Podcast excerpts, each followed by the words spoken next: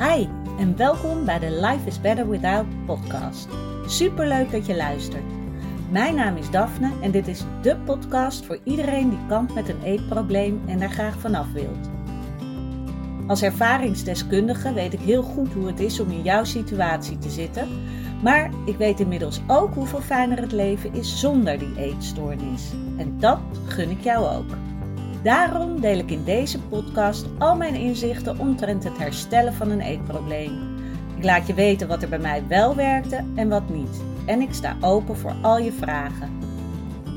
Als jij klaar bent voor een leven zonder eetstoornis, dan weet ik 100% zeker dat jij dat kan bereiken. Want als ik het kan, kan jij het ook. Hey, welkom weer bij een nieuwe podcast-aflevering van Life is Better Without. Super leuk dat je weer luistert. En ik neem deze podcast op op woensdag. Normaal doe ik dat meestal op donderdag. Maar morgen heb ik een Reiki-cursus. Reiki 1 bij uh, Zoma-opleidingen. En daar heb ik heel veel zin in. Het is een hele dag. Dus vandaar dat ik nu vast de podcast opneem. En uh, ja, ik ben heel benieuwd wat morgen mij uh, gaat brengen. Ik, uh, ja, mijn, mijn eerste intentie is voornamelijk dat ik het heel fijn zou vinden als ik mijn eigen energie beter zou kunnen reguleren en beter zou kunnen bewaken. En ik ben heel benieuwd hoe dat, uh, ja, hoe dat gaat met Reiki. En het allermooiste zou natuurlijk zijn als ik anderen daar uiteindelijk ook mee kan gaan helpen. Dus ik ben heel benieuwd. En waar ik het in deze podcast over wil hebben, is. Ja, ik heb het er natuurlijk wel vaker over in de podcast. Maar ik had vandaag een sessie um, met uh, nou, een van de mooie vrouwen die ik mag coachen. En we hebben het heel erg gehad ook over die kritische stem en al die kritische gedachten die vaak naar boven komen. Waarschijnlijk herken je dat wel. En uh, vandaag heb ik met haar haar hoofd opgeruimd. We hebben een hoofdopruimsessie gedaan. En het mooie daarin is dat je meer overzicht krijgt in je hoofd, omdat je ja, gaat, eigenlijk gaat onderzoeken van, oh ja, welke thema's heb ik allemaal in mijn hoofd zitten? En die ga je vervolgens clusteren en op een bepaalde plek neerzetten. Waardoor het dus ja, rustiger wordt. En ja, wat, wat zij ook zei, van ja, het voelt wat lichter nu. Wat natuurlijk een heel fijn gevoel is. En het mooie vervolgens is, als je dat hebt gedaan, uh, dat je heel duidelijk weet van, oh ja, ik kan mijn bepaalde gedachten die opkomen, kan ik ook weer op een bepaalde plek wegzetten in mijn hoofd. Het is dus vrij visueel inge, ingesteld. Um, maar het is dus wel heel fijn dat in plaats van uh, dat je overvallen wordt door een gedachte en dat je vervolgens daarin blijft hangen, omdat het eigenlijk een soort van vastzit in de rest van je gedachtenwereld en je herinneringen en de hele rambam in je hoofd. Ik had, uh, zoals ik het altijd noem, een soort uh, grote uh, kluwe wol. Een soort spaghettihoofd met hier en daar wat van die woorden. En ik kon nooit ja, duidelijk vinden van wat, wat zit waar. En als er iets in me opkwam, of als iemand iets vroeg, vond ik het ook moeilijk om, om ja, me te kunnen focussen op een bepaalde gedachte omdat het gewoon een grote, grote rotzooi was in mijn hoofd, om het zo maar te zeggen. En dat is bij mij nu ook opgeruimd. En dat voelt gewoon, ik heb gewoon een leger hoofd. Ik kan duidelijker denken van, oh ja, uh, daar zit dat, daar zit dat. En als iemand dan een vraag stelt, dan heb ik de ruimte in mijn hoofd ook om daar gewoon over na te denken. Maar wat nou met die, uh, inderdaad, met die gedachtes die je niet dienen? Wat heel erg helpt, om te kunnen gaan herstellen, is dat je bewust wordt van welke gedachten er in jouw hoofd opkomen. En dat je die ook ziet als niet van jou. Tuurlijk, je denkt ze zelf, maar vaak komt dat voort uit jouw ego-stuk, die jou veilig wil houden. Dus als jij een gedachte hebt die uh, bijvoorbeeld zegt: je mag dit wel doen of je moet dat niet doen en dit moet je wel doen en dat, uh, dat zou ik niet doen, dan komt dat vaak dus voort uit jouw ego die jou veilig wil houden. Die gaat denken van: ho ho, we hadden dit afgesproken, want dan weten we wat er gebeurt en uh, we gaan nu niet weer dat hele plan omgooien, want dat voelt onveilig want we weten niet wat dan de gevolgen zullen zijn. En het is dus op zich, kan je ego dus dienen om jou veilig te houden. Op bepaalde stukken is dat oké, maar op heel veel stukken dient het jou niet. En helemaal als je dus een eetstoornis hebt, dan weet jij verstandelijk gezien wel dat het niet oké is. Alleen ben jij die kritische stem, die kritische gedachten, gaan geloven. En daar durf, durf, je niet van af te wijken, omdat het te spannend is. Omdat je te bang bent dat je daarmee de controle verliest. Maar het mooie is dus eigenlijk, en eigenlijk ook het verdrietige, is dat jij niet de controle hebt. Jij, jou, jij wordt zeg maar onder controle gehouden. En wat je dus mag gaan doen, is die controle terug gaan pakken. Jij, dus niet jouw ego-stuk, maar jij, jouw ware ik, de bron, inner being, hoe je het dan ook wil noemen, je intuïtie. Jij mag die controle terugpakken, want jij bepaalt wat er in jouw hoofd gebeurt. En dat is ook weer het mooie met dat hoofd opruimen. Jij bepaalt hoe jouw hoofd er van binnen uitziet en welke gedachten er opkomen en met welke gedachten je wel of niet iets gaat doen.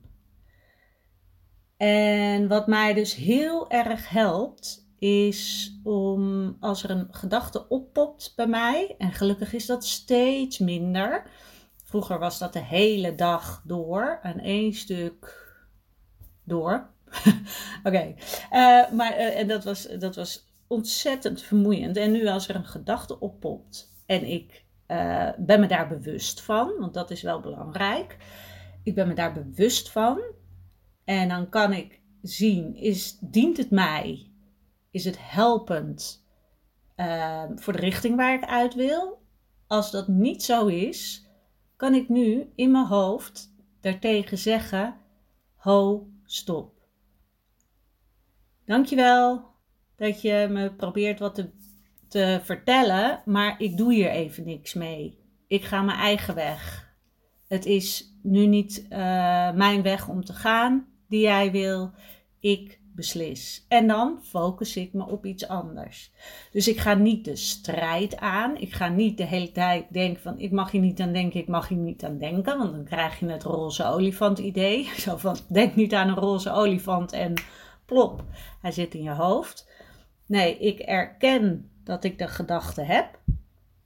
Ik, uh, ja, ik, ik laat hem er zijn. Maar ik zeg ook, ik ga niks ermee doen. Ik ga letterlijk mijn focus ergens anders opzetten. En daarmee neem jij de controle weer terug. Daarmee ga jij zelf beslissen. Daarmee pak jij leiderschap over jouw leven en over wat jij wil denken. Want jij bent de baas over die gedachten. Het voelt soms uh, alsof je wordt overmand en alsof je er niks tegen kan doen. En alsof je ook nog eens een keertje moet gaan gehoorzamen. Maar dat is niet zo. Want jij bent degene die die gedachten denkt. Jij bent degene die hierop kan zeggen: ik ga dit wel doen of ik ga dit niet doen. Niemand om jou heen. En misschien zit je soms natuurlijk in gedachten van, uh, maar wat zullen anderen daar wel niet van denken? Maar ook dat zijn jouw eigen gedachten. Want jij kan nooit weten wat iemand denkt of vindt. En zelfs al vindt iemand daar wat van en zegt het tegen jou, dan kan je dus denken: oké, dat is waarheid, want diegene zegt dat. Dan nog mag jij altijd zelf de leiding nemen over welke acties jij dan onderneemt, hoe jij daar zelf over denkt. Want je hoeft niet hetzelfde te denken als iemand anders. Of je hoeft niet te pleasen omdat iemand anders nou eenmaal iets anders van jou verwacht. Nee, jij bent jouw eigen persoon en jij bent de baas over jouw eigen brein. En ja, dat is echt wat mij zo helpt om, nou, eh, in eerste instantie om hersteld te zijn, maar het helpt mij nog steeds, want het is ook iets wat je niet meer wil loslaten daarna. Omdat het, uh, het biedt zelfvertrouwen en het zorgt voor uh, vertrouwen in, ja, in jezelf. Ja, dat is zelfvertrouwen. Alleen iets anders gezegd. Maar dat vertrouwen in jezelf is zo'n fijn gevoel. En het voelt dus ook, ik heb dat wel vaker gezegd, dat het voelt alsof je dan je eigen vriendin bent. Alsof je inderdaad denkt, ja, we doen het samen. En ik weet dat dit misschien een beetje raar klinkt, maar het is zo'n fijn gevoel en dat gun ik iedereen. Want dan voel je je ook minder alleen. Omdat je het samen mag doen met jezelf. met, je, met je eigen ware ik. En wat jouw ware ik uh, jou vertelt, dat is altijd het juiste. Want jouw ware ik heeft altijd het beste met jou voor. En die kan ervoor zorgen dat jij de stappen onderneemt waardoor jij je goed gaat voelen en meer in balans. Want als je een eetstoornis hebt, dan is er natuurlijk weinig balans te, te bekennen vaak. En dat heeft niet alleen met eten te maken, dat heeft ook te maken met gewoon je hele zijn. Dat je eigenlijk dingen aan het doen bent die ingaan tegen wat jouw ware ik voor jou wenst en weet wat goed voor jou is. En daarom voel jij ook dat het niet klopt. Dat je ongelukkig wordt, want je zit niet in die goede balans. Je, zit, je bent niet in alignment. Je zit niet op de juiste energiegolf en de juiste frequentie. En daarom is het zo belangrijk om te gaan oefenen om uh, die kritische gedachten, kritische stem te gaan horen. Dat je er dus bewust van wordt. En ook dat je bewust wordt van het feit dat je die niet hoeft te volgen. En het is echt niet van de een op de andere dag dat dat gaat werken. Want je kan dan, in het begin is het misschien dat je dan zegt: Oké, ja, dankjewel, maar ik wil niet naar je luisteren. En dan blijft die kritische stem keihard in je oor tetteren. Maar het is echt oefening baard kunst echt, ja, ik wil je echt op het hart drukken. Blijf dit proberen. Blijf dit doen.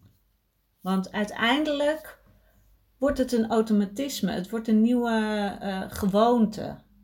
Dat je beter naar jezelf kan luisteren. En ja, er zullen altijd onbewuste gedachten zijn. Die heb ik ook nog steeds wel eens. En dat ik dan opeens besef: oh, wacht eens even, ik ben al de hele dag zo aan het denken. En dan wordt hij bewust en dan kan ik er ook echt iets mee doen. En dan ga ik me beter voelen, want dan maak ik een keus. Dit is niet hoe ik me wil voelen.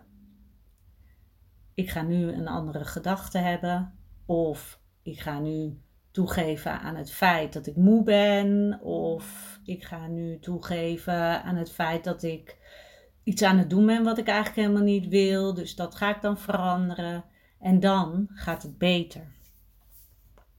Dus Ik ben heel benieuwd ehm, of je hier al mee bezig bent, wat het met je doet. Laat het me weten. En ehm, ik uh, ga sowieso in de volgende podcast even vertellen wat uh, Reiki uh, heeft gedaan. Daar ga ik dus morgen naartoe. En uh, nou, weet dat je me altijd een DM kan sturen als je vragen hebt. En dan ehm, wens ik je voor nu een hele fijne dag. En dan spreek ik je bij de volgende podcast.